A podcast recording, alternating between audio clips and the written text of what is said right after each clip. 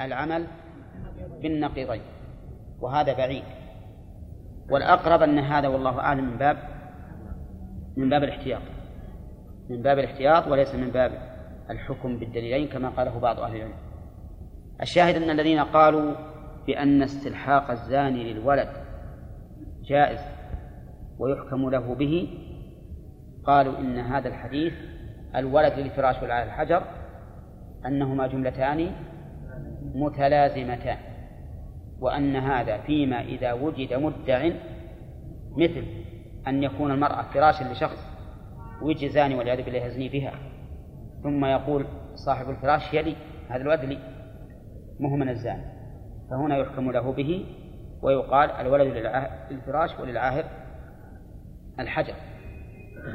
طيب لكن المذهب كما رأيتم يقولون أبدا. الزاني لا ولد له. لأنه صحيح أنه خلق طبعا منين؟ من مائه. لا شك في هذا. لكنه شرعا لا يلحق به. فنحن نعم من حيث الحكم الكوني الحكم الكوني له. ولا لا؟ هذا الولد للزاني حكما كونيا.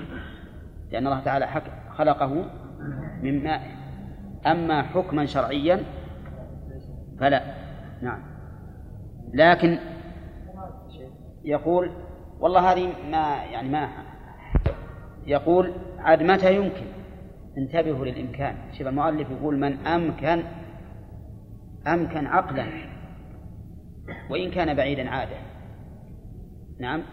لاحقه يقول بأن تلده بعد نصف سنة منذ أمكن وطئه أو فوق أربع سنين أو دون أربع سنين منذ أبانها وهو ممن يولد لمثله. نعم. اشترط شرطين المؤلف.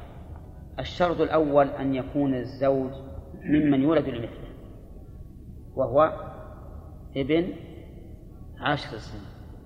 اللي تملك عشر سنين يمكن يولد لمثله. وعشر سنين يمكن يولد لمثله؟ ها؟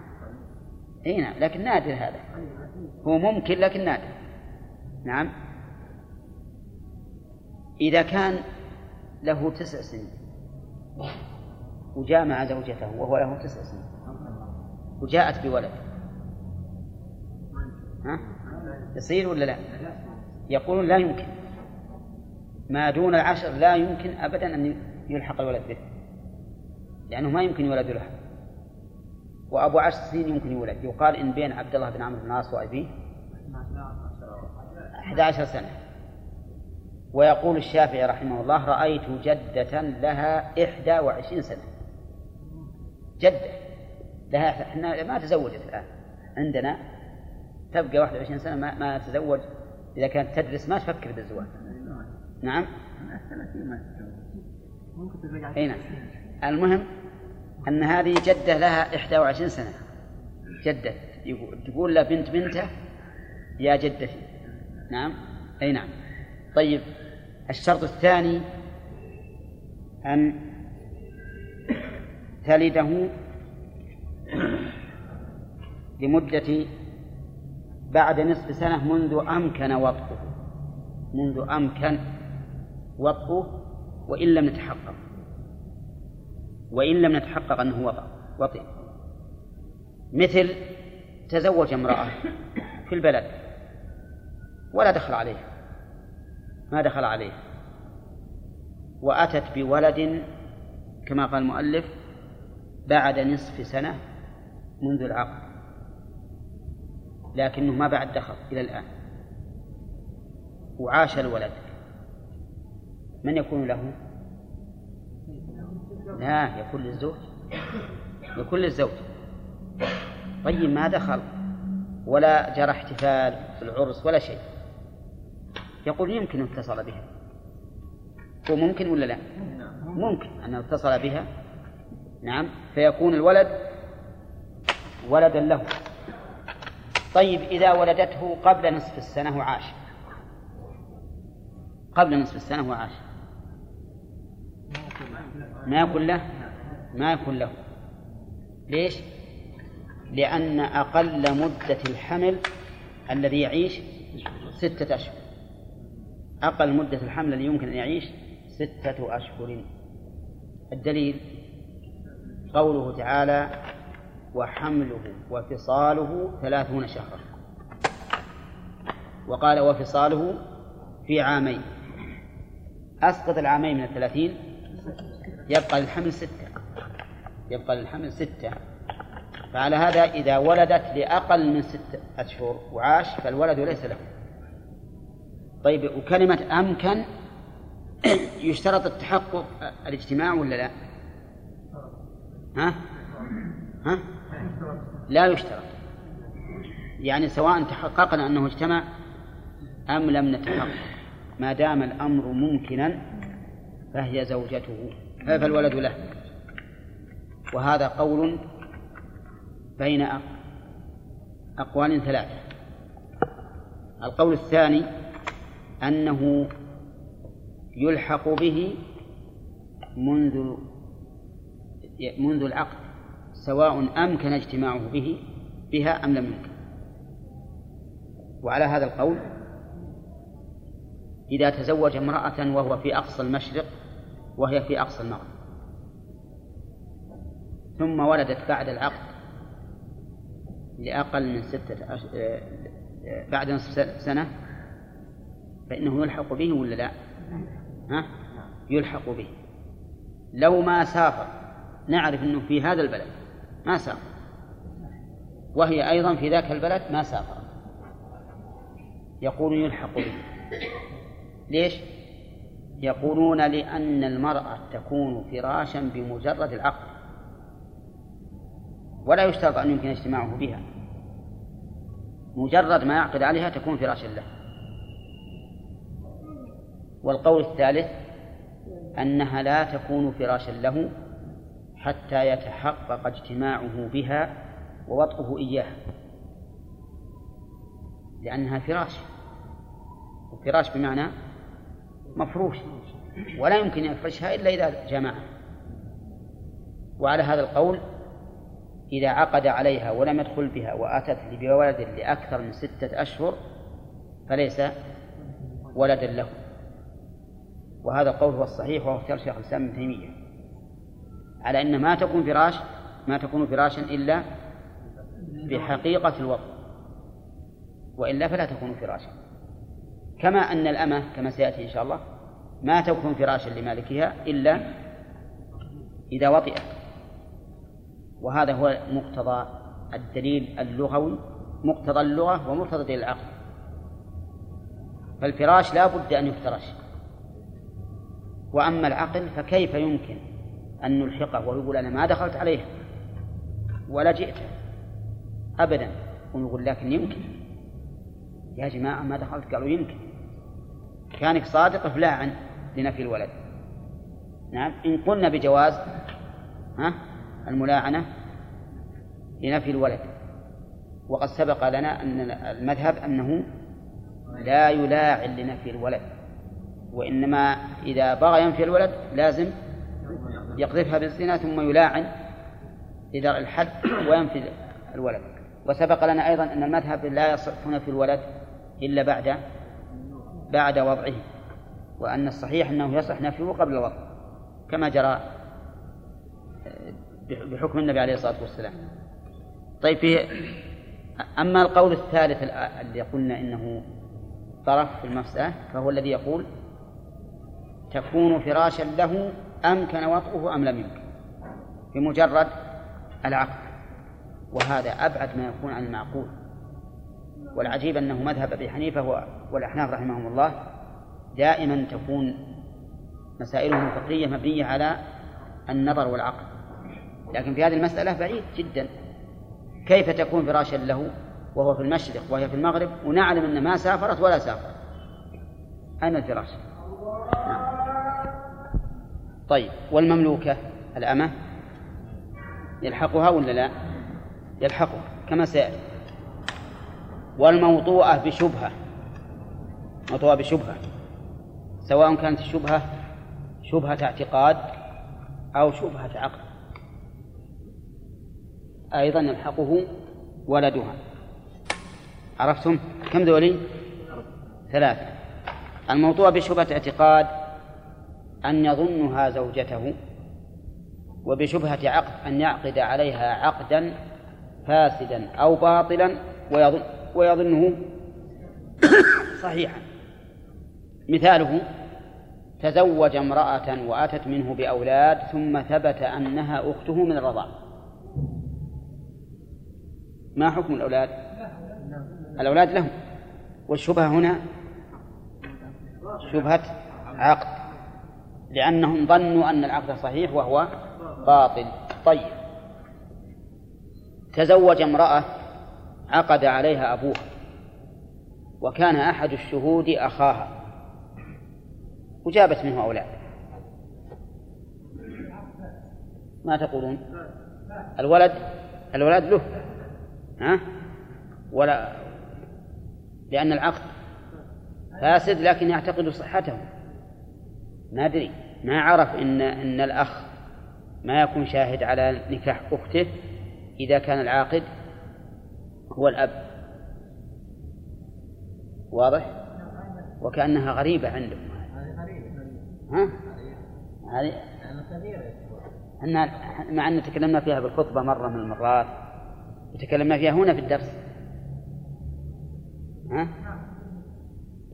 إذا كان الأب هو العاقل هو اللي زوج الرجل والشهود واحد منهم أحد الأخوة وواحد عمه ما يصح العقد على المذهب لأنهم يقولون لابد أن يكون الشاهدان ليس من أصول الزوج ولا من فروعه ولا من أصول الزوجة ولا من فروعها ولا من أصول الولي ولا من فروعه. ها؟ لا خلينا واجب. في زواج تام ها؟ في زواج تام شهد على كل زوج بنت بنت يعني الشاهد أخو أبو البنت. طيب. ها؟ يشترط على المذهب في شهود النكاح. أن لا يكونوا من أصول الزوج ولا من فروعه. ولا من أصول الزوجة ولا من فروعها. ولا من أصول الولي ولا من فروعه. الآن طيب. زين. هذا لا ما هو صحيح. لكن إحنا إحنا نحتاط. طلعنا معظم النكاح في مصر فاسد لا. لكن إحنا إحنا نتحرى لأنه نخشى لو حصل خلاف بينهم وترفع للمحاكم بحيث أنهم يحكمون بالمذهب. يفسدون النكاح. ويفسدون كل ما ترتب عليه. ولهذا مع مع اعتقادي أن هذا القول ضعيف أنا أتحرص. أنه لابد أن نشوف. نعم. حتى لو كان مثل جدة من جهة أمة أحد الشهود جدة من جهة أمة. ما يصلح. لأنه من أصولها. إيه. من أصولها. الله. جدة من جهة أمه. واضح؟ طيب. هذول ثلاثة. بقينا الرابع الموضوعة بعقد محرم يعتقده الواطئ. بعقد محرم يعتقده الواطئ كالزنا. هل الولد يلحق الزاني ولا لا؟ المذهب وهو قول أكثر أهل العلم أنه لا يلحق الزاني. استنادا إلى الحديث الولد للفراش وللعاهر الحجر. وكما سمعنا فيما سبق شيخ الإسلام يرى أنه إذا استلحقه الزاني وليس له منازع فإنه يلحقه. نعم. طيب نمشي على في كلام المؤلف. قال من ولدت زوجته من أمكن أنه منه لحقه بشرط بأن تلده بأن تلد هذا تفصيل الإمكان بأن تلده. وسبق لنا أيضا في درس أمس متى تكون الزوجة فراشا. وبينا أن في المسألة ثلاثة أقوال. إما بمجرد العقد أو إمكان الوطء أو حقيقة الوطء وهذا هو الصحيح. نعم. يقوم بأن تلده بعد نصف سنة منذ أمكن وطئه منذ أمكن وإن لم نتحقق. ما دام أمكن أن يطأ فإنه يلحقه إذا ولدت دون ستة أشهر بعد نصف سنة. وإنما قيدها المؤلف بنصف سنة لأن أقل مدة الحمل الذي يعيش ها نصف سنة. بدليل قوله تعالى وحمله وفصاله ثلاثون شهرا وقال في الآية الأخرى وفصاله في عامين فإذا أسقطنا عامين من ثلاثين شهرا بقي ستة أشهر. وذكر ابن قتيبة في المعارف كتاب اسمه المعارف أن عبد الملك بن مروان ولد لستة أشهر. وهو معروف؟ من من أعظم الخلفاء. نعم ولد لستة أشهر. والناس الآن إذا تعجل الإنسان بالشيء قالوا والظاهر أنك ما صبرت ببطن أمك تسعة أشهر. نعم. صار واحد عجل يعجل في الأمور قالوا إنك ما بقيت في بطن أمك تسعة أشهر يعني ولدت قبل تتم لكن هذا لا لا صحة له. ولا علاقة لكون الإنسان يولد قبل تسعة أشهر بكونه يكون سريعا في أموره غير متأني ما له علاقة. نعم يقول أو أو تلده لدون أربع سنين منذ أبانها. لدون أربع سنين منذ أبانها. بماذا تحصل البينونة؟ تحصل البينونة بكل فراق لا رجعة فيه أو بتمام العدة في الطلاق الذي فيه رجعة. تبالغ. تحصل البينونة بماذا؟ غلط. أنا ما قلت بكل طلاق. بكل فراق. لا رجعة فيه. لأن ما هنا لأن الفراق قد تكون فسخ وهو طلاق. فكل فراق لا رجعة فيه سواء كان طلاقا أو فسخا فإنها تبين بمجرده. أو بطلاق ها؟ أو أو أو بانتهاء العدة بطلاق رجعي. بانتهاء العدة من طلاق رجعي. مثال ذلك رجل طلق زوجته آخر ثلاث تطليقات نعم في آخر يوم من ذي الحجة عام 1400 1400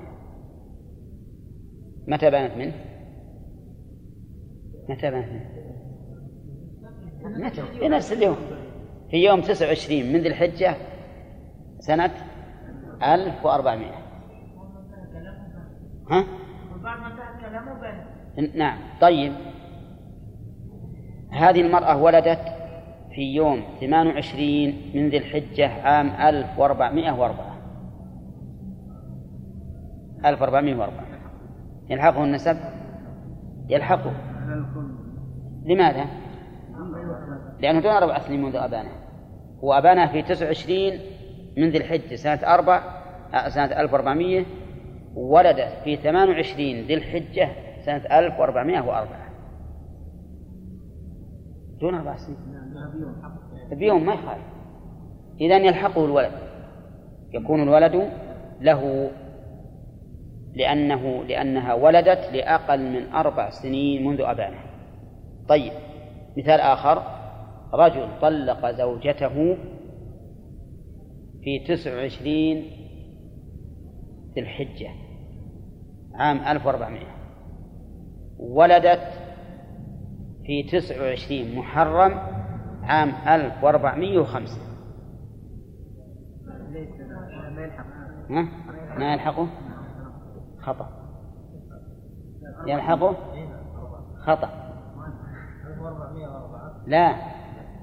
هذا شف طلقها في 29 ذي الحجة عام 1404 وراجعه وأتت بولد في يوم 29 محرم عام 1405 كانت البينونة ها. إيه. إيه. خطأ. ينظر للطلاق. ينظر للطلاق الآن. إن كان الطلاق بائنا إن كان الطلاق بائن بأن كان آخر ثلاث تطليقات.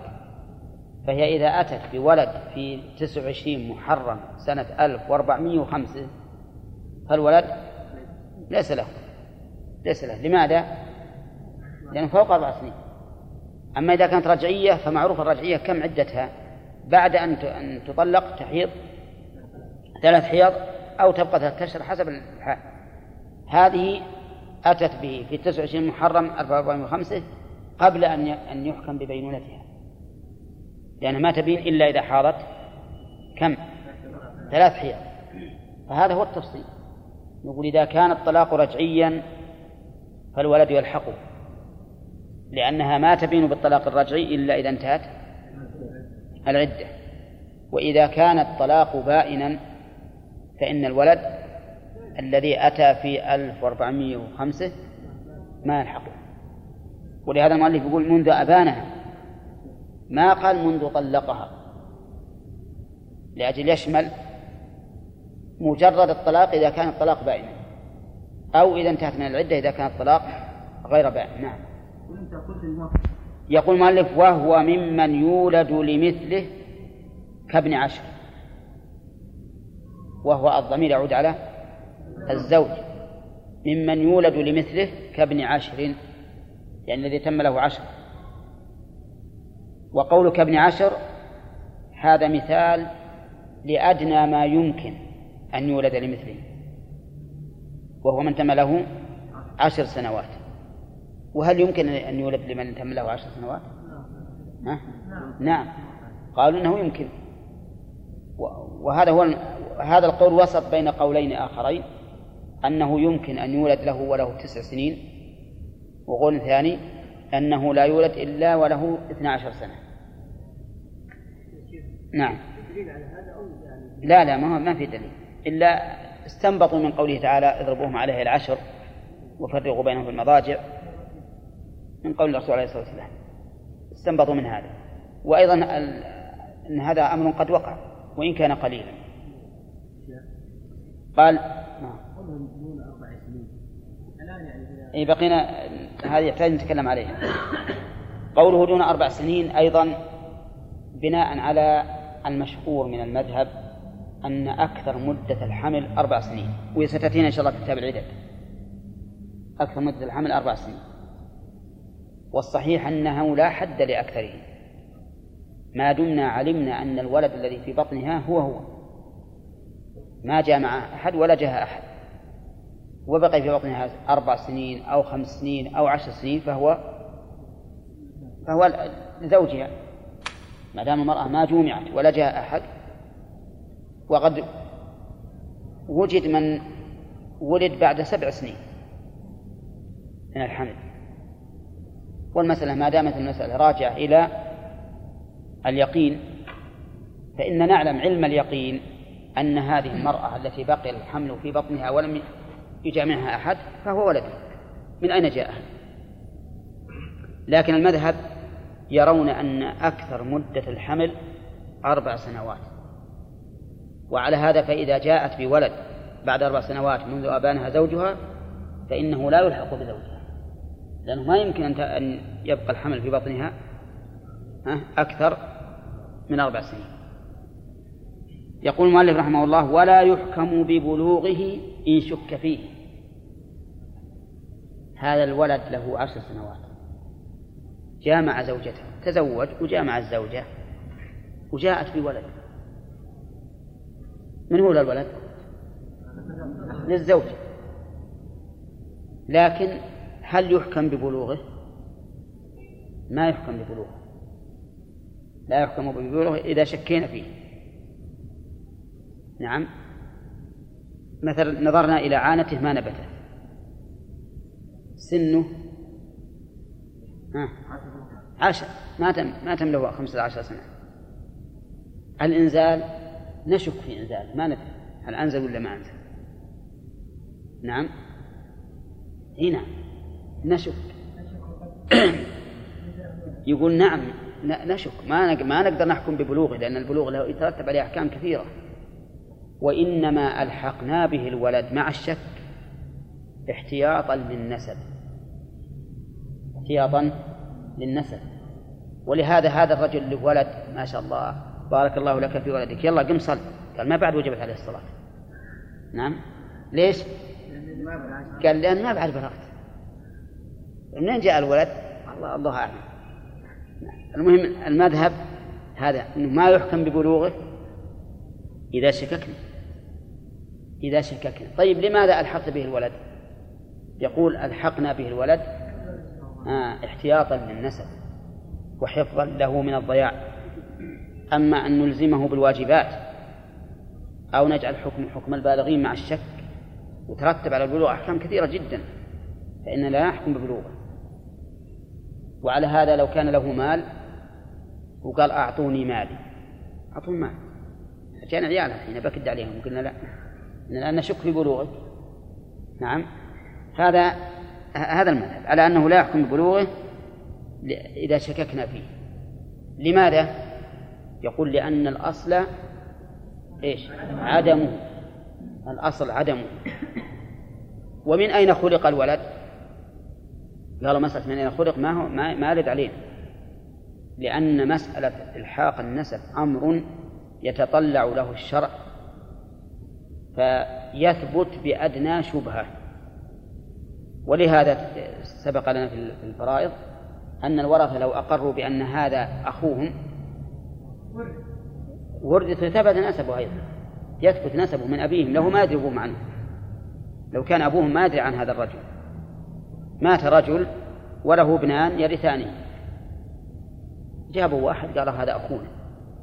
أخونا من أمنا وأبينا. نعم؟ وش يصير؟ فهو أخوه. أخوهم يلحق يثبت نسبه. وإن كان الأب ما يدري ما دام انه ما دام المسألة ممكنة وليس فيه مدع ونسبه مجهول بالشروط المعروفة. نعم. أي نعم. والله هذا المذهب وأنا ما الله أعلم. نعم. سؤالك؟ يحتاج إلى أن تحرر أكثر. نعم. يقول المؤلف ومن اعترف بوطء أمته في الفرج أو دونه فولدت لنصف سنة أو أزيد لحقه ولدها. شف. من اعترف بوطء أمته. وإن كان قد اشتراها ما تكون فراشا الأمة إلا بالوضع انتبه لهذا. الفرق بين الأمة وبين الزوجة. الزوجة تكون فراشا بالعقد إذا أمكن الوط وإن لم نتحقق. أما الأمة ما تكون فراشا إلا بالوط. وبماذا يثبت الوط؟ يثبت الوطء بواحد من أمرين. إما باعترافه أو بقيام البينة تشهد بأنه جامعه. أما مجرد دعواها فلا يقبل عليه. لأن هي قد تدعي أنه أنه جامعها وينكر. تدعي أنه جامعها لأجل أن تكون أم ولد لو أتت بولد. فعلى كل حال إذا الأمة لا تكون فراشا إلا بالوطن بأن يعترف أو يثبت ببينة. والأمة كلها نعرف من هي الأمة؟ هي المملوكة. والمملوكة ممن أحل الله تعالى وطأه بقوله تعالى والذين من لفروجهم حافظون إلا على أزواجهم أو ما ملكت أيمانهم فإنهم غير ملومين. هذه الأمة إذا ثبت أنه وطئها تسمى سرية لأنه تسراها زوجها آه، سيدها فتكون سرية. فإذا اعترف فأتت بولد لنصف سنة أو أزيد. لحقه. وقول نصف سنة يعني وعاش. فإن أتت به إلى أقل من نصف سنة ولا عاش فهو أيضا ولد لأنه بوطئها صارت فراشا له. وقد قال النبي عليه الصلاة والسلام الولد للفراش. فلو قدر أنه جامعها ثم بعد أربعة أشهر أتت بولد. مخلق. يكون ولد له ولا لا؟ لا لو ما عاش. يكون له يكون له. أما إذا عاش فليس له. إذا عاش بعد أربعة أشهر فليس له بعد أربعة أشهر من منذ وضعها طيب إذا إذا كان له ولم يعش يترتب على هذا أنها تكون أم ولد كما سبق لنا في باب العتق. نعم يقول المؤلف إذا اعترف أنه وطئها فأتت لنصف سنة أو أكثر لاحقه نعم. نعم. في الفرج أو دونه. نعم. إي نعم. إذا اعترف بوطئ أمته في الفرج أو دونه. نعم يثبت حتى فيما إذا جمعها دون الفرج. لأنه ربما تأخذ شيئا من مائه وتتلقح به. هذا وجهة النظر عندهم. لحقه ولدها إلا أن يدعي الاستبراء ويحلف عليه. إلا أن يدعي من؟ السيد. الاستبراء ويحلف عليه. كيف الاستبراء؟ الاستبراء معناه أن تحيض بعد وطئه.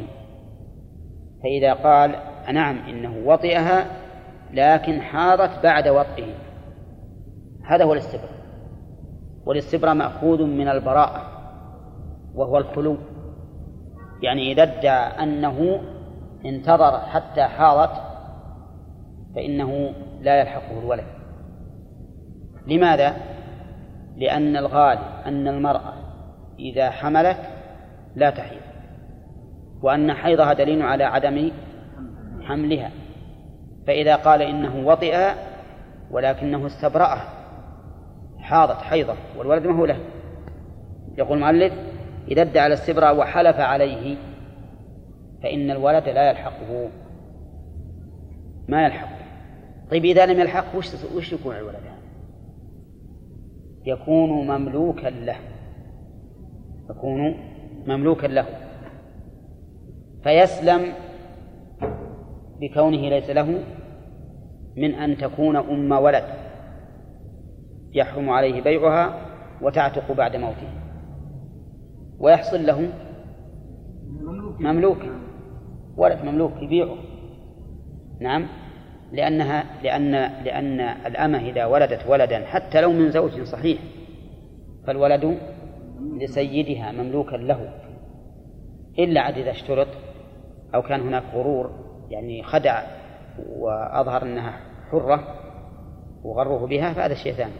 المهم ها ما يقبل ما يقبل لأنها ذات فراش طيب الآن هذا الرجل اعترف بوضع أمته وجاءت بولد لأقل من ستة أشهر لمن يكون الولد؟ ها؟ يكون الولد له إذا عاش و... و... لا لأقل قلت لا لستة أشهر. لستة أشهر. فإنه يكون له وتكون به أم ولد. ولهذا يقول المؤلف وإن قال وطئتها دون الفرج أو فيه ولم أنزل أو عزلت لحقه. ليش ادعى هذه الدعوة؟ لأجل أن يكون الولد ليس من مائه. قال وطئتها دون الفرج. معلوم أن الوطئ دون الفرج ما يحصل به حمل. أو في الفرج لكن ما أنزل. أيضا ما يحصل حمل. أو في الفرج وأنزل ولكن عزل. يعني عند الإنزال نزع وأنزل خارج الفرج. هذا معناه هذا معنى قوله أو عزلت. فيها دقيقة. في هذه المسألة يقول لاحقه نسبه. لاحقه نسبه. لماذا؟ لما سبق من أنه إذا جامعها في الفرج أو دونه صارت فراشا له وقد قال النبي صلى الله عليه وسلم الولد للفراش يقول لحقه وإن أعتقها أو باعها بعد اعترافه بوطئها فأتت بولد لدون نصف سنة لحقه والبيع باطل اعترف أنه جامع الزوجة وبعد أن هذا الاعتراف باعه. باعها على واحد من الناس. باع الأمة. اعترف أنه وطئ أمته ثم باعها. لما باعه ومضى خمسة شهور أتت بولد. وعاش الولد. لمن يكون هذا الولد؟ للسيد الأول. لماذا لا يكون للسيد الثاني؟ لأنه لا يمكن أن تأتي لأقل من ستة أشهر ويعيش. فيكون للسيد الأول ويكون البيع باطلا. لماذا يكون باطلا؟ لأن بيع أم الولد حرام. وكل بيع حرام فهو باطل. وهذا مبني على القول بأنه يحرم بيع أمهات الأولاد والمسألة خلافية. وقد كانت أمهات الأولاد في عهد النبي عليه الصلاة والسلام وفي عهد أبي بكر وفي أول خلافة عمر يباعن ثم لما رأى عمر رضي الله عنه أن الناس صاروا يفرقون بين المرأة وأولادها منع من ذلك. منع من ذلك. مثل ما صنع في مسألة الطلاق الثلاث. ولهذا بعض العلماء يقول إذا أتت بولد أم الولد إذا أتت بولد من سيدها ومات ولدها فإنه يجوز لسيدها أن يبيعه. لأن المحذور الذي من أجله منع عمر زال وهو التفريق بينها وبين ولدها. لكن المذهب لا متى ما متى وضعت الأمة من سيدها ما تبين فيه خلق الإنسان فإنها تكون أم ولد تعتق بموته ولا يحل بيعها. بناء على ما قلنا إذا باعها على شخص وأتت بولد لأقل من ستة أشهر يتبين أنها بيعت وهي أم ولد لأنها ناشئ بولد وعلى هذا فيكون البيع باطلا. ماذا يصنع المشتري؟ المشتري يأخذ دراهمه ويرد الأمة إلى سيدها. طيب المؤلف قال أعتقها أو باعها. وقال البيع باطل والعتق. باطل ولا لا؟ المؤلف ذكر مسألتين. اعترف أنه جمع. ثم أعتقها فأتت بعد اعتاقه لها بولد بدون ستة أشهر. وعاش. هل يبطل العتق ولا لا؟ ما يبطل العتق. لأنه زادها خيرا. بعد أن كانت لا تعتق إلا بموته أصبحت الآن عتيقة. ولهذا ما قال العتق باطل قال البيع باطل. والخلاصة أن هذا الفصل الآن هذا الفصل آخره في حكم الأمة. والبحث فيه في أمور. أولا متى تكون الأمة فراشا؟ إذا إذا وطئت. إذا جامعها سيدها صارت فراشا. أما قبل ذلك فليست فراشا. السؤال الثاني إذا كانت فراشا وولدت لأقل من ستة أشهر منذ جامعها فلمن يكون الولد لا يلحق بالسيد. لا يلحق بالسيد ويكون ملكا له. يكون ملكا له لأنه ولد من مملوكته. إذا باعها بعد أن اعترف بوطئها وأتت لأقل من ستة أشهر ها؟ فالولد له ملكا ولا نسبا؟ نسبا والبيع باطل. الله إنه في النسب وفي الولاء يتبع أباه. النسب والولاء يتبع أباه. فيقال فلان ابن فلان. ما يقال ابن فلانة إلا إذا انقطع نسبه من جهة أبيه فينسب إلى أمه كما سبق. في الولاء أيضا إذا أعتق الأب فإنه يتبع في الولاء يتبع أباه. فيكون ولاؤه لمن أعتق من؟ لا لمن أعتق أباه. لمن أعتق أباه. في الحرية والملك يتبع أمه. في الحرية والملك يتبع أمه. بمعنى أنه إذا كانت أمه حرة كان الولد حرا ولو كان الأب رقيقا. فلو تزوج رقيق بحرة فالولد حر ولو كان الأب رقيق. كذلك أيضا في الملك يتبع أمه. فلو تزوج حر بأمة لغيره فالولد ملك لسيده عرفتم الآن؟ طيب إذن في النسب والولاء يتبع من؟ وفي الحرية والملك يتبع الأم طيب في الدين يتبع خيرهما فولد المسلم من النصرانية مسلم يتبع خيرهما وكذلك لو وطئ كافر امرأة مؤمنة بشبهة فإن الولد يكون مسلما يتبع أمه فهو يتبع في الدين خيرهما لأن الإسلام يعلى ولا يعلو ولا يعلى. وفي الطهارة والحل الطهارة والحل يتبع أخبثهما. الطهارة والحل يتبع أخبثهما. فولد الحمار من الفرس.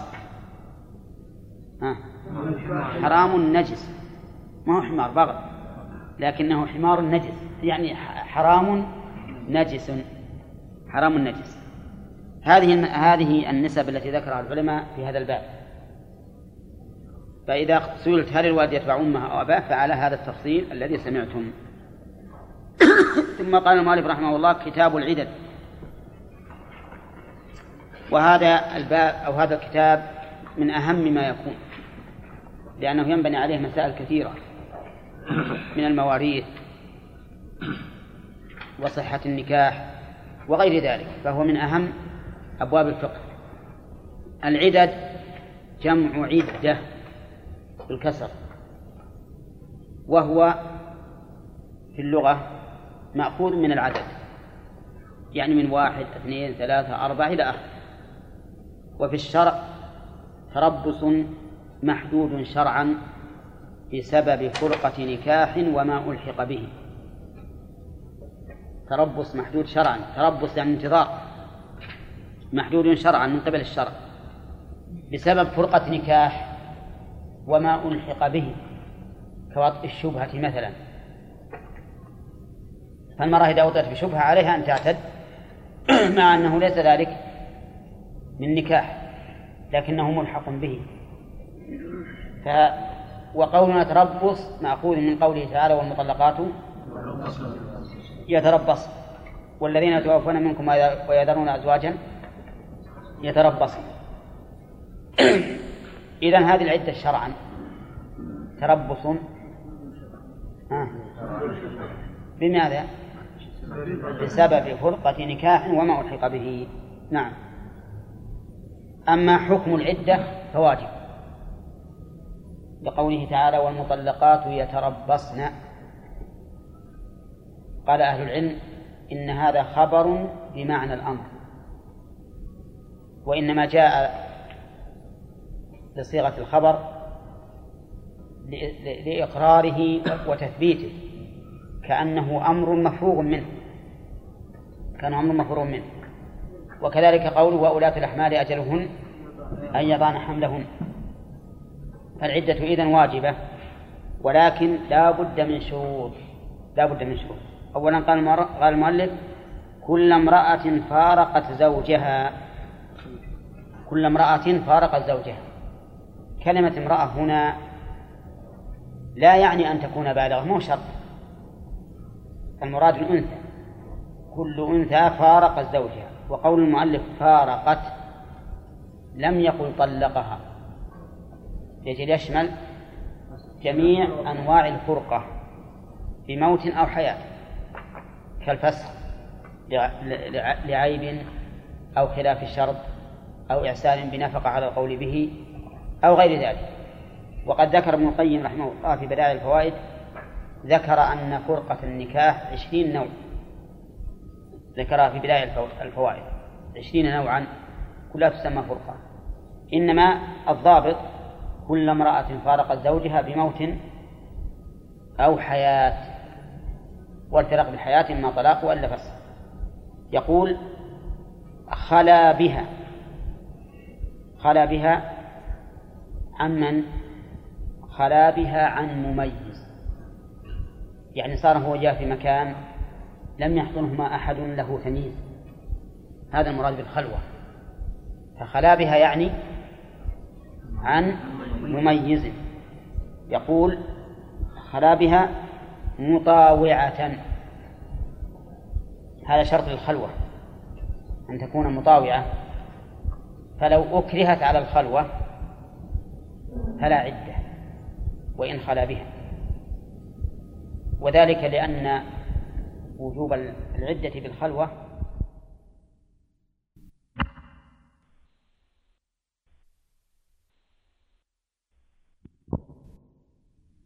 خلا بها الزوج وهو أقوى منها وإن كانت مكرهة يمكن جميعها قال مع علمه بها وقدرته على وطئها مع علمه بها أي بأن يخلو بها وهو يعلم أن في, أن في المكان امرأة. فإن كان لا يعلم مثل أن يكون أعمى ولا علم بها أو يكون أدخل عليها في حجرة ليس فيها إضاءة ولم يعلم بها فلا عدة. لماذا؟ لأن ما في مظنة وطئ ما فيه مظنة وطئ فلا فلا فلا عدة. قال وقدرته على وطئها ولو مع ما يمنعه. وهذا شبه تناقض. قدرته على وطئها يعني بأن يكون قادرا لكن من حيث الجسمية. وإن كان هناك مانع.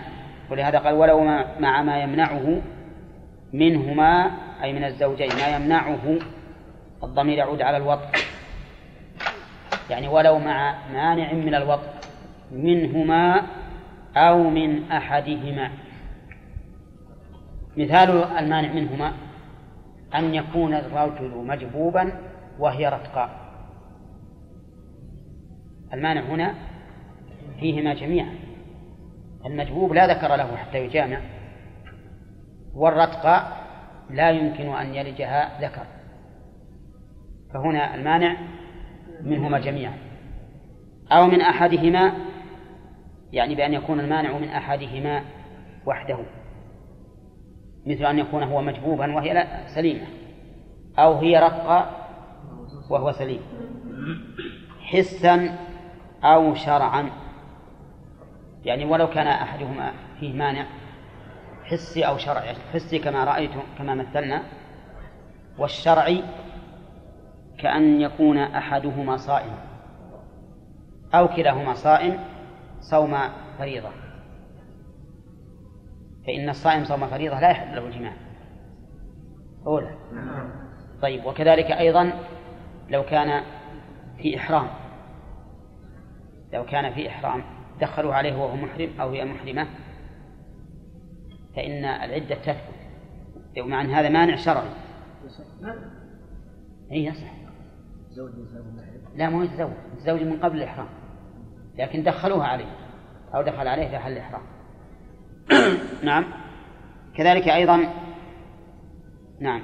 طيب إذن آه، يشترط في الخلوة أن تكون المرأة مطاوعة. وأن يكون عالما بها. وأن يكون قادرا على الوطء طيب يقول المؤلف أو وطئها. معطوف على قوله خلا بها. يعني أو امرأة وطئها زوجها ولو بدون خلوة. وطئها ولو بدون خلوة. لأنها تجب العدة. كيف يطأها بدون خلوة؟ يمكن؟ ها؟ إيه يتصور. لو فرضنا فيه مميز أبو عشر سنوات معهم في الحجرة وجمعها. إذا ما خلا بها. أولى طيب. ولهذا قال أو وطئها. نعم. فيها ها؟ ما يمكن جمع ولا؟ لا. الحاضر اللي معهم. يقول أو أو مات عنها. معطوفة أيضا على خلا بها يعني تلزم المرأة العدة امرأة مات عنها زوجها ولو بدون خلوة. ولو بدون خلوة. ولو بدون وطء فالموت موجب للعدة مطلقا. طيب نحتاج الآن فين الش... نبي نكمل ونجيب الشروط مجملة لأن المؤلف مشتتهم رحمه الله. حتى في نكاح فاسد فيه خلاف. يعني تلزم حتى في نكاح فاسد. وبين المؤلف الفساد النكاح الفاسد بقوله فيه خلاف. وهذا باب واسع النكاح الذي فيه خلاف. لا تظن أنه مسألة أو مسألتين أو مسألتان أو ثلاثة أو أربعة كثير. من النكاح الفاسد أن يتزوجها بلا ولد. هذا فيه خلاف. بعض العلماء يقول أنه يصح. إذا كانت امرأة بالغة عاقلة فلها أن تزوج نفسها. فعلى هذا يكون في خلاف ولا لا؟ كذلك النكاح بلا شهود. يعني بولي لكن بدون شهود. هذا أيضا في خلاف. أو بشهود من الأصول أو الفروع. أيضا في خلاف. أو تزوج امرأة رضع من أمها مرة واحدة فقط. نعم في خلاف. أو ما أو ثلاثا. في خلاف. أو أربعا. معلوم أربعة نعم أو أربعا. أو خمسا. في خلاف. لأن بعض العلماء يقول سبع يحرم وبعضهم يقول عشر. نعم. إذا مسائل الخلاف يتصور طالب العلم أنها مسائل قليلة. وهذه وهي وليست بقليلة تزوج أخت امرأته وهي في عدة بينونة. تزوج إنسان أخت امرأته وهي معتدة عدة بينونة. في خلاف. نعم. تزوج أخت زوجته من الرضاع. ها؟ في خلاف. إي نعم. شيخ الإسلام يرى أنه لا بأس به لكنه قول ضعيف هذا. الجمع بين الأختين من الرضاعه صحيح إنه حرام كما هو رأي الجمهور. الحاصل إن مسائل الخلاف كثيرة. إنما يقول المؤلف إذا عقد عليها عقدا مختلفا فيه ثم فارقها ها؟ وجبت العدة. وظاهر كلام المؤلف وإن كان يعتقد عدم صحته. وإن كان يعتقد عدم صحته. مثل لو جاءه أحد بعد أن عقد بعد أن عقد عليه وقال هذا النكاح ما يصح. قال إذن طلقتها هي طالق أو فارقها. مع أنه يعتقد الآن أنه باطل ولا لا؟ نعم. تجب العدة. كيف تجب العدة؟ لأنه ربما تخطب ويخطبها إنسان يرى أن النكاح صحيح. إذا خطبها من يرى أن النكاح صحيح يجوز له ولا ما يجوز؟ آه لا يجوز له. ولهذا قلنا يجب أن تطلق حتى في النكاح المختلف فيه الذي أنت تعتقد أنه ليس بصحيح. يجب أن تطلق. لأن ربما يخطبها إنسان يرى أن العقد ليس بصحيح. أن العقد صحيح. مثل مثال ذلك أيضا من الأمثلة. رجل تزوج امرأة وهو لا يصلي. تزوج امرأة وهو لا يصلي. فالصحيح أن النكاح فاسد وأنه لا يصح. فإن تاب وبدأ يصلي يجب تجديد العقد.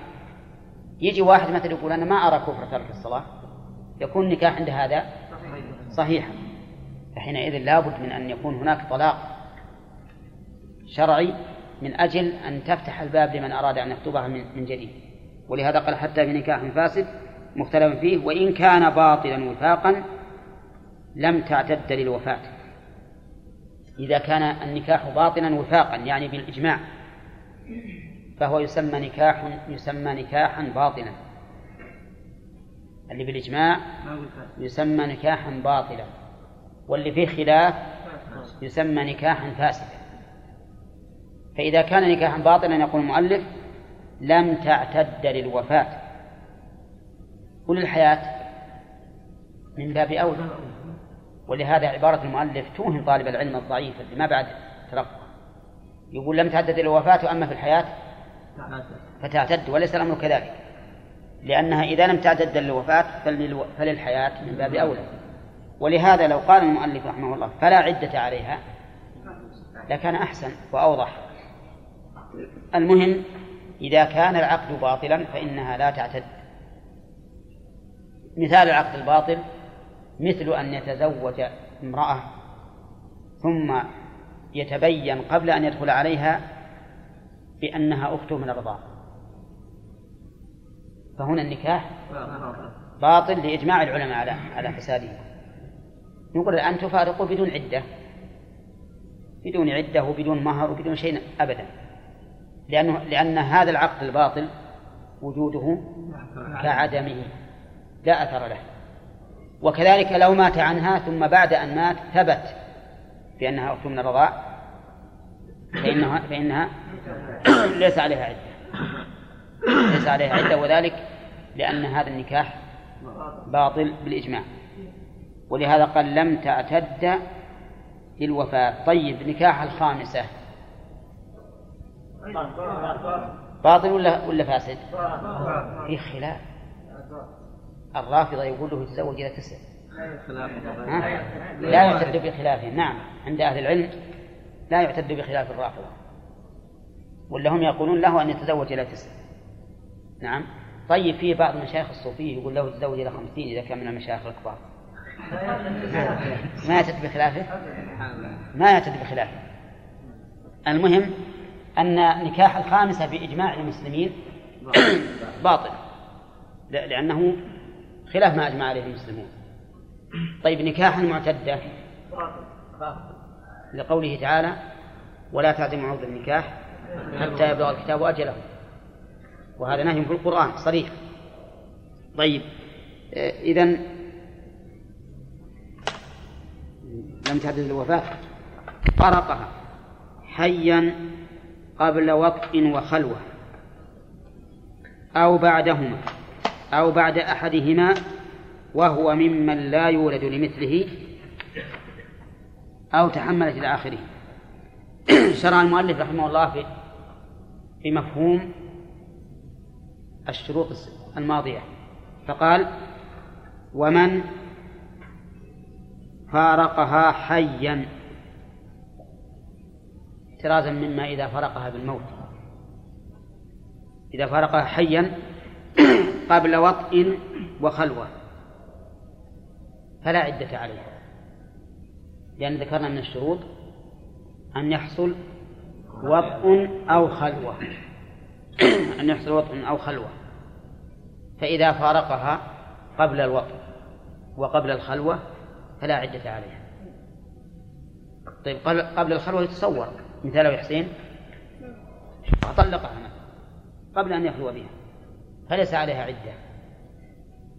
لقوله تعالى يا أيها الذين آمنوا إذا نكحتم المؤمنات ثم طلقتموهن من قبل أن تمسوهن فما لكم عليهن من عدة تعتدونها. ولا يصريح إذا نكحتم المؤمنات ثم طلقتموهن. طلاق فرقة حياة ولا موت؟ فرقة حياة فما لكم عليهن من عدة تعتدونها. فإذا قال قائل الآية يقول الله فيها من قبل أن تمسوهن. فكيف تقولون الخلوة؟ قلنا من أخذ بظاهر الآية لم يعتبر الخلوة. ويعلق الحكم بالوضع وقد قال به بعض أهل العلم. لكن الصحابة رضي الله عنهم حكموا بأن من خلا بها كمن مسها وعللوا ذلك بأن الرجل استباح منها ها؟ ما لا يباح لغير الزوج استباح منها ما لا يباح لغير الزوج. فعلى هذا يكون تكون العدة واجبة عليها. والمسألة في في القلب منها شيء. مسألة في القلب منها شيء لأن الآية الكريمة صريحة من قبل أن تمسوهن. ولأن الخلوة وإن كان الإنسان استباح ما يباح لغيره فإنكم س... فإنهم يقولون إن الرجل إذا قبلها بلا خلوة فلا عدة مع أن التقبيل لا يحل لغير الزوج. لا يحل لغير الزوج. فالمسألة في القلب منها شيء لكن المعروف عن الصحابة رضي الله عنهم أن من أرقى سترا فإن أو أغلق بابا فإنه كالزوج كالذي دخل فيلزمه يلزمها العدة. طيب إذن المؤلف قبل وطء وخلوة أو بعدهما إيش بعدهما؟ بعدهما. أي بعد الوطء والخلوة وهو ممن لا يولد لمثله. نعم. مثل خلا بها وهو ممن لا يولد لمثله. من الذي لا يولد لمثله؟ من دون العشر. يعني رجل زوج ابنه هذه المرأة ودخله عليها لكنه صغير الابن له تسع سنوات. وباقي عنده كل الليل وهو يجامعها فلما كان في الصباح طلقها. ماذا نقول؟ لا عدة عليه لا عدة عليها. لماذا؟ لأنه لا يولد لمثله. وهذه المسألة أيضا في النفس منها شيء. لقوله من قبل أن تمسوهن. وهذا الصبي قد مس. قد مس وهو زوج. وكون نقول لا يولد مثله ما هي العلة؟ أنه يولد مثله أو لا ولهذا لو كان عنينا وجمعها بل وخلا بها فعليها العدة. عليها العدة. هي المسألة لأنها مظنة مظنة الحمل أو غير مظنة الحمل. لكن استمتاع بشهوة من هذا الصبي. كيف ما نقول إن فيها عدة؟ على الأقل نجعلها كمسألة الخلوة. على الأقل أن نجعلها كمسألة الخلوة. لكن هذا هو المذهب. كذلك أيضا لو كانت هي ممن لا يولد لمثلها. من هي؟ التي دون التسع. زوج لها ثمان سنوات دخل عليها زوجها وجامعها وتلذذ بها. وكان هذا أيضا صغيرا يمكنه أن يطعم ثمان ولا عاد يمكن الكبير ما يتمكن من وضعها يهلكها. لكن هو تمكن من وضعها وفارقها يقولون لا عدة عليها. لماذا؟ لأنه لا يولد لمثلها. لا يولد لمثلها. وهذه أيضا هي المسألة الثالثة التي في نفس منها شيء. وذلك لأن الآية إنما علقت الحكم بالمسيس. لكن سنأخذ كلام المؤلف الآن على لأجل أن نبني عليه ما يأتي. فصار يشترط الآن أن تكون الخلوة أو الوطن ممن يولد لمثله بمثله. ممن يولد لمثله وهو الزوج. بمثله وهي الزوجة. طيب يقول يقول أو تحم أو تحملت بماء الزوج. تحملت بماء الزوج. شلون تحمل بماء الزوج؟ يعني أخذت من مائه من منيه ووضعته في فرجها. وحملت منه. هذا جائز لا بأس. لأن الزوجة زو... لأن الماء ماء زوجها. فإذا تحملت بمائه فلا عدة عليها. لماذا؟ يقول لأنه ما مسها والله عز وجل يقول نعم ولا خلا بها. يقول من قبل أن تمسوهن. فيقال ألستم تقولون قبل قليل إنه إذا جامعها وهو ممن لا يريد لمثله فلا عدة لعدم إمكان الحمل. فكأن هذا إشارة إشارة إشارة منكم إلى أن العبرة بإمكان الحمل. فإذا تحملت فلماذا لا تجب عليها العدة؟ لكن لاحظوا أننا إذا قلنا لا تجب عليها العدة فهو ما يمكن تتزوج وهي حامل من ماء هذا الزوج حتى تضع. هذا أمر لا بد منه. لكنه لا نقول إن هذه العدة إنها تربص ب... يعني على أنها معتدة للزوج. بس من أجل من أجل انشغال رحمها فقط ولهذا القول الثاني في هذه المسألة هو الصواب أنه تجب العدة إذا تحملت ماء الزوج وهذا هو الواقع لأننا سنمنعها من من أن تتزوج والنسب يلحق من؟ يلحق الزوج فإذا كان الولد له وهي ممنوعة من أجل ولده أن تتزوج ها؟ فهذا هذه العدة ولهذا الصواب حتى على المذهب لأن المؤلف خالف المذهب في هذه المسألة. الصواب أنه المذهب في هذا أنها تجب عليها العدة إذا تحملت بماء الزوج وهذا هو الواقع. نعم. نعم. الجواب عن آية أن الله ذكر المسيس لأنه سبب الحمل. لأنه سبب الحمل. نعم. نعم. إي لأن, لأن الآية أشارت إلى المس. فالمس إذا حصل على كل حال. وهنا إذا إذا حصل الجماع وحدثت من أجله هذه هذه العدة. أو طيب أو قبلها. أو قبلها. نعم. شو قوله ومن فارقها حيا نعم. احتراز من فارقها نعم. يعني لو مات عنها قبل أن يطأها. فتجب عليه تجب عليه العدة. بخلاف الحياة. الآن سنجمل الشروط عشان تتضح لأن المؤلف مثل ما قلت لكم بد زين أو قبلها أو قبلها أي قبل زوجته أو لمسها بلا خلوة فلا عدة. قبلها نعم قبلها لكن بلا خلوة. كيف بلا خلوة؟ نعم. يمكن يقبلها بحضور أبيها مثلا أو بحضور أمها بلا خلوة أو لمسها صافحها مثلا ولو بشهوة فإنه لا عدة عليه وش الدليل؟ وش؟ طلقتموهن من قبل أن تمسوهن فما لكم عليهن من عدة تعتدونها فهذا الرجل ما مسها نعم ما مسها فلا عدة عليه خلاصة ما قال المؤلف أن العدة واجبة في كل نكاح غير باطل هذا شرط. يشترط أن يكون النكاح غير باطل أو أن يكون النكاح صحيحا؟ غير باطل. لأجل يدخل الفاسد. هذا الشرط اضبطوه. يشترط لوجوب العدة أن يكون النكاح غير باطل سواء العدة للوفاة أو للحياة. أن يكون النكاح غير باطل.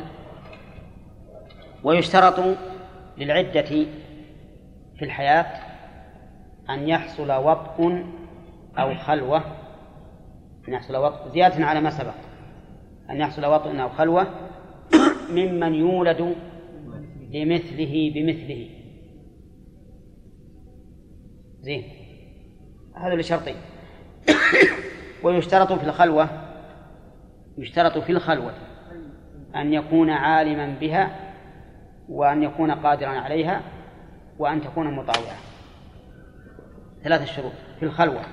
هذا الشروط داخل شرط. فكان الشرط الأساسي الذي لا بد منه شرط وشرطا واحدا. وهو أن يكون النكاح غير باطل. كذا يا عيسى. فارق في الحياة. أن يحصل وطء أو خلوة. أن يحصل وطء أو خلوة. يشترط فيهما أن يكون ذلك ممن يولد لمثله بمثله.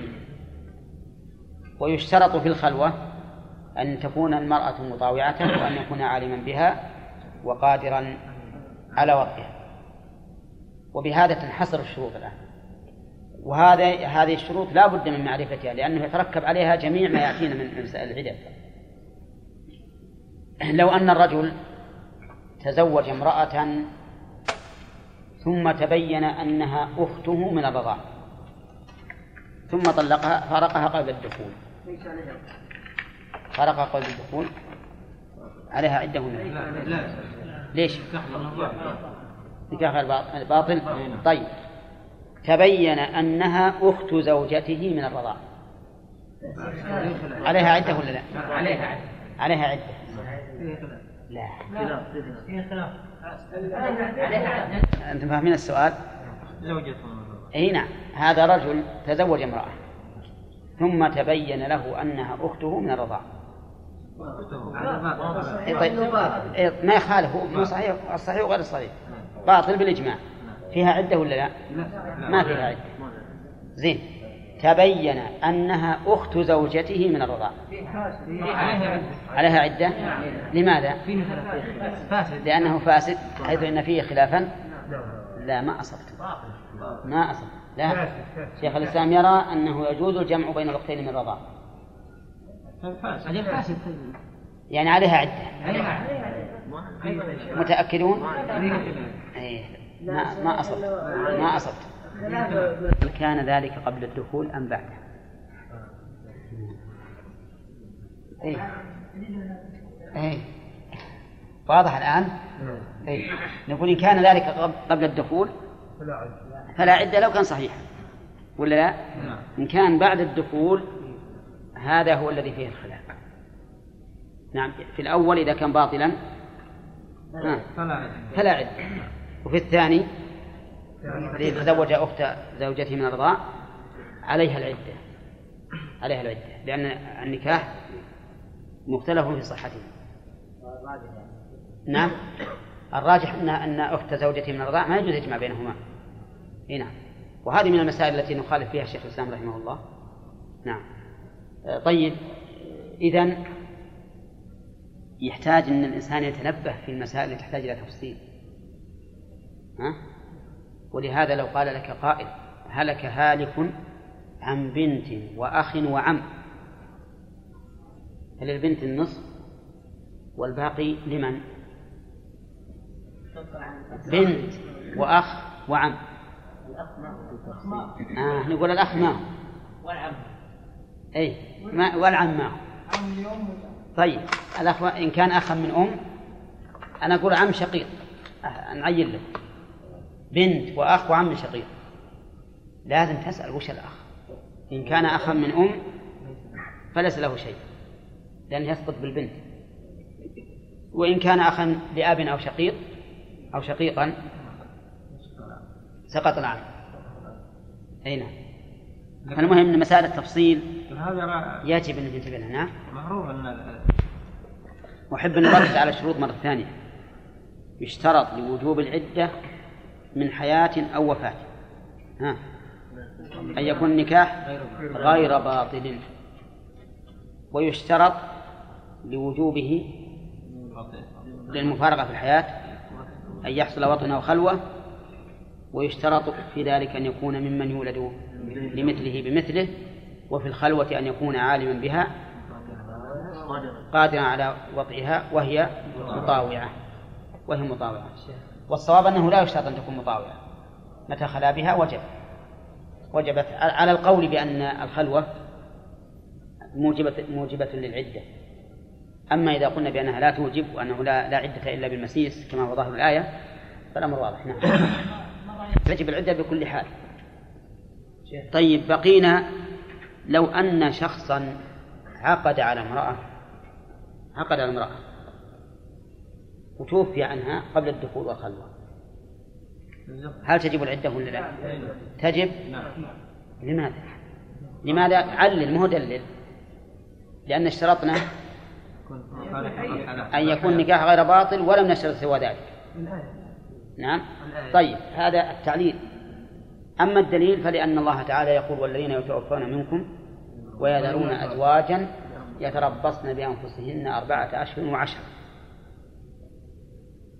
وقال في في فرقة الحياة يا أيها الذين آمنوا إذا نكحتم المؤمنات ثم طلقتموهن من قبل أن تمسوهن فما لكم عليهن من عدة تعتدون فإن قال قائل لماذا لا تقيسون الفرقة بالموت على الفرقة بالحياة؟ لأن الله تعالى ذكر في الطلاق أنه إذا كان قبل الدخول قبل المسيس فلا عدة. لماذا لا تكونون في عدة الوفاة كذلك؟ نقول الجواب على هذا من وجهين أولا أنه لا يمكن الإلحاق لأن الاعتداد بفرقة الحياة له أحكام خاصة. كم العدة فيه؟ فيه ثلاثة. قروء أو ثلاثة أشهر لمن لا تحيض بخلاف الفرقة في الوفاة. فيمتنع الإلحاق. وثانيا أن أن ما أخرجه أهل السنن بسند صحيح من حديث ابن مسعود. امرأة عقد عليها زوجها ثم مات قبل الدخول بها. فقال لها لها الميراث وعليها العدة ولها المهر. نعم. فقام رجل فقال إن النبي صلى الله عليه وسلم قضى في بروع بنت واشق امرأة منا بمثل بمثل ما قضيت. فحينئذ يكون النص مانعا من القياس. لأنه من المعلوم عند أهل العلم أنه لا لا قياس مع النص طيب إذا قال قائل رجل وطئ امرأة بشبهة بدون عقل هل توجبون عليها العدة؟ ها؟ أي سؤالي هل نوجب عليها العدة ولا لا؟ المذهب أننا نوجب عليها العدة لأنهم يرون أن الوطأ موجب للعدة سواء كان في زوجة أو في شبهة أو في زنا. فإنه موجب للعدة. يعني ثلاث حيض أو إن حملت فبوضع الحمل. وأما الصحيح الصحيح أنه لا يجب وإنما يجب الاستبراء فقط. لأن العدة إنما تجب في نكاح غير باطل أما هذا ما في نكاح أصلا. فكيف تجب العدة؟ فنقول إن الواجب في هذا هو الاستبراء فقط. الاستبراء فقط. بمعنى أنها إن كانت حاملا فحتى تضع الحمل. وإن لم تكن حاملا فبحيضة واحدة فقط. هذا هو القول الصحيح في هذه المسألة. ها؟ ما يشترطون نكاح يكون غير باطل نعم. الواجب يستبرئها يمكن تحمل لكن جامعها ولا لا؟ اي حكم حكم الوضوء بشبهه يعني عدة إن كان إن كان عالما بان النكاح باطل فهو زنا. وإن لم يعلم فهو شبهة. المذهب أنها لا بد أن تعتد من أجل الوطء لأنهم يرون إن الوطء هذا موجب للعدة بكل حال. والصحيح أنه ما يجب إلا الاستبراء فقط. بحيضه نعم نكاح. ها. نكاح. وط شبهة. وزنا. وملك. إيه الآن إحنا الآن نذكره لكن على أساس أن الملك مو استبراء لكن أنا ودي أذكره الآن لأجل الحصر لكم لا هذا تعليق تعليق. لكن لا لا مانع نسجل هو تعليق في الحقيقة على ما مضى. نعم. النكاح هذا واحد. وطأ الشبهة اثنين. الثالث الزنا. والرابع الملك لكن الملك مو عدة استقرا أي نعم. النكاح لوجوب العدة فيه شروط ذكرناها فيما سبق. ولا لا؟ وبسألكم عنها الآن. وطأ الشبهة ذكرناها فيما سبق. ها؟ وقلنا فيها العدة لا قلنا شيخ الإسلام ذكر الإجماع. الزنا فيه خلاف. المذهب إن فيها عليه عدة عليها عدة. والقول الثاني عليها استبراء وهو مذهب مالك. والقول الثالث لا عدة عليها ولا استبراء وهو مروي عن أبي بكر وعمر وعلي وهو مذهب الشافعي. وما عليه شيء. الزنا. بقينا في الملك. الملك ما فيه عدة فيه استبراء لو أن الرجل جامع أمته ما عاد يبيعه زوجه إلا بعد أن يستبرئها. فهمتم الآن؟ هذه أشياء حاصلة. هذه أشياء حاصلة. نعم. هذه أشياء حاصلة. على هذا إذن الوطء يعني مو بالعدة ما تجب إلا في النكاح. هي ما تجب إلا في النكاح تجب حتى بالوطء وطأ الشبهة. وثاني الزنا على قول. وملك اليمين لكن مو عدة استبرأ إلا منه تربص. طيب إذا كان سبب العدة النكاح من المذهب أنه كوطء الشبهة وش يجب؟ تجب يجب العدة من الاستبراء؟ تجب العدة. إن حملت فبوضع الحمل وإن لم تحمل نعم فبثلاثة بثلاث حيض على حسب ما يأتينا إن شاء الله. المهم أنها عدة كاملة. ويعللون ذلك بأنه وطء يحصل به الحمل فوجبت به العدة كوطء الشبهة. ولكن هذا التعليل عليل جدا لأن نقول هذا الوطئ أو هذا الواطئ وطئ من ليست زوجة له لا شرعا ولا اعتقادا. نعم؟ ولا يمكن أن يلحق السفاح بالنكاح. الإنسان بيلحق وطئا محرما. نعم بوطئ مباح سواء بحسب اعتقاد الفاعل أو بحسب مقتضى الأدلة. الحاق هذا بهذا من أضعف ما يكون. ولهذا الصواب أن المزني بها ليس عليها عدة وإنما الواجب الاستبراء. الواجب الاستبراء وسيأتينا إن شاء الله تعالى في باب الاستبراء كيفية الاستبراء. كيفية الاستبراء القول الثاني أو الثالث في مسألة الزنا أنه لا عدة عليها وهذه وهذا القول أيضا أصح من غيره هو أصح الأقوال. لكن إن حملت على هذا القول وجب أن ألا يعني لم يصح العقد عليها. إن حملت لم يصح العقد عليها حتى تضع الحمل. حتى تضع الحمل. لأنه لا يمكن أن توطأ في هذه الحال فإن النبي صلى الله عليه وسلم نهى أن توطأ ذات حمل حتى تضع. طيب إذن وش وش الفائدة إذا قلنا ما عليها؟ عدة وقلنا إن حملت لا لا, لا يمكن أن توطأ. نقول الفائدة في ذلك أنها إذا كانت ذات زوج ما نقول للزوج تجنبها إذا زنت مثلا. نقول لك أن تجامعها الآن. ولا يجب عليك أن تتجنبها. إلا إن ظهر بها إن ظهر بها حمل فإنه لا فلا تجامعها أما إذا لم يظهر بها فإنها لك. والولد لو فرض لو قال قائل ألا يحتمل أن تكون نشأت بحمل من وطئ الزنا؟ نقول هذا احتمال وارد. لكن قال النبي عليه الصلاة والسلام الولد للفراش. وللعاهل الحجر. فما دمنا ما تيقنا أن حملت من, من الزاني فإن الولد يحكم بأنه لمن؟ للفراش. أما مسألة الملك فقد سبق فيأتينا إن شاء الله أنه ليس من باب العدة وإنما هو من باب الاستبراء. فهذه أربعة أسباب الزوجية وطأ الشبهة إيش بعد؟ والزنا ها؟ والملك.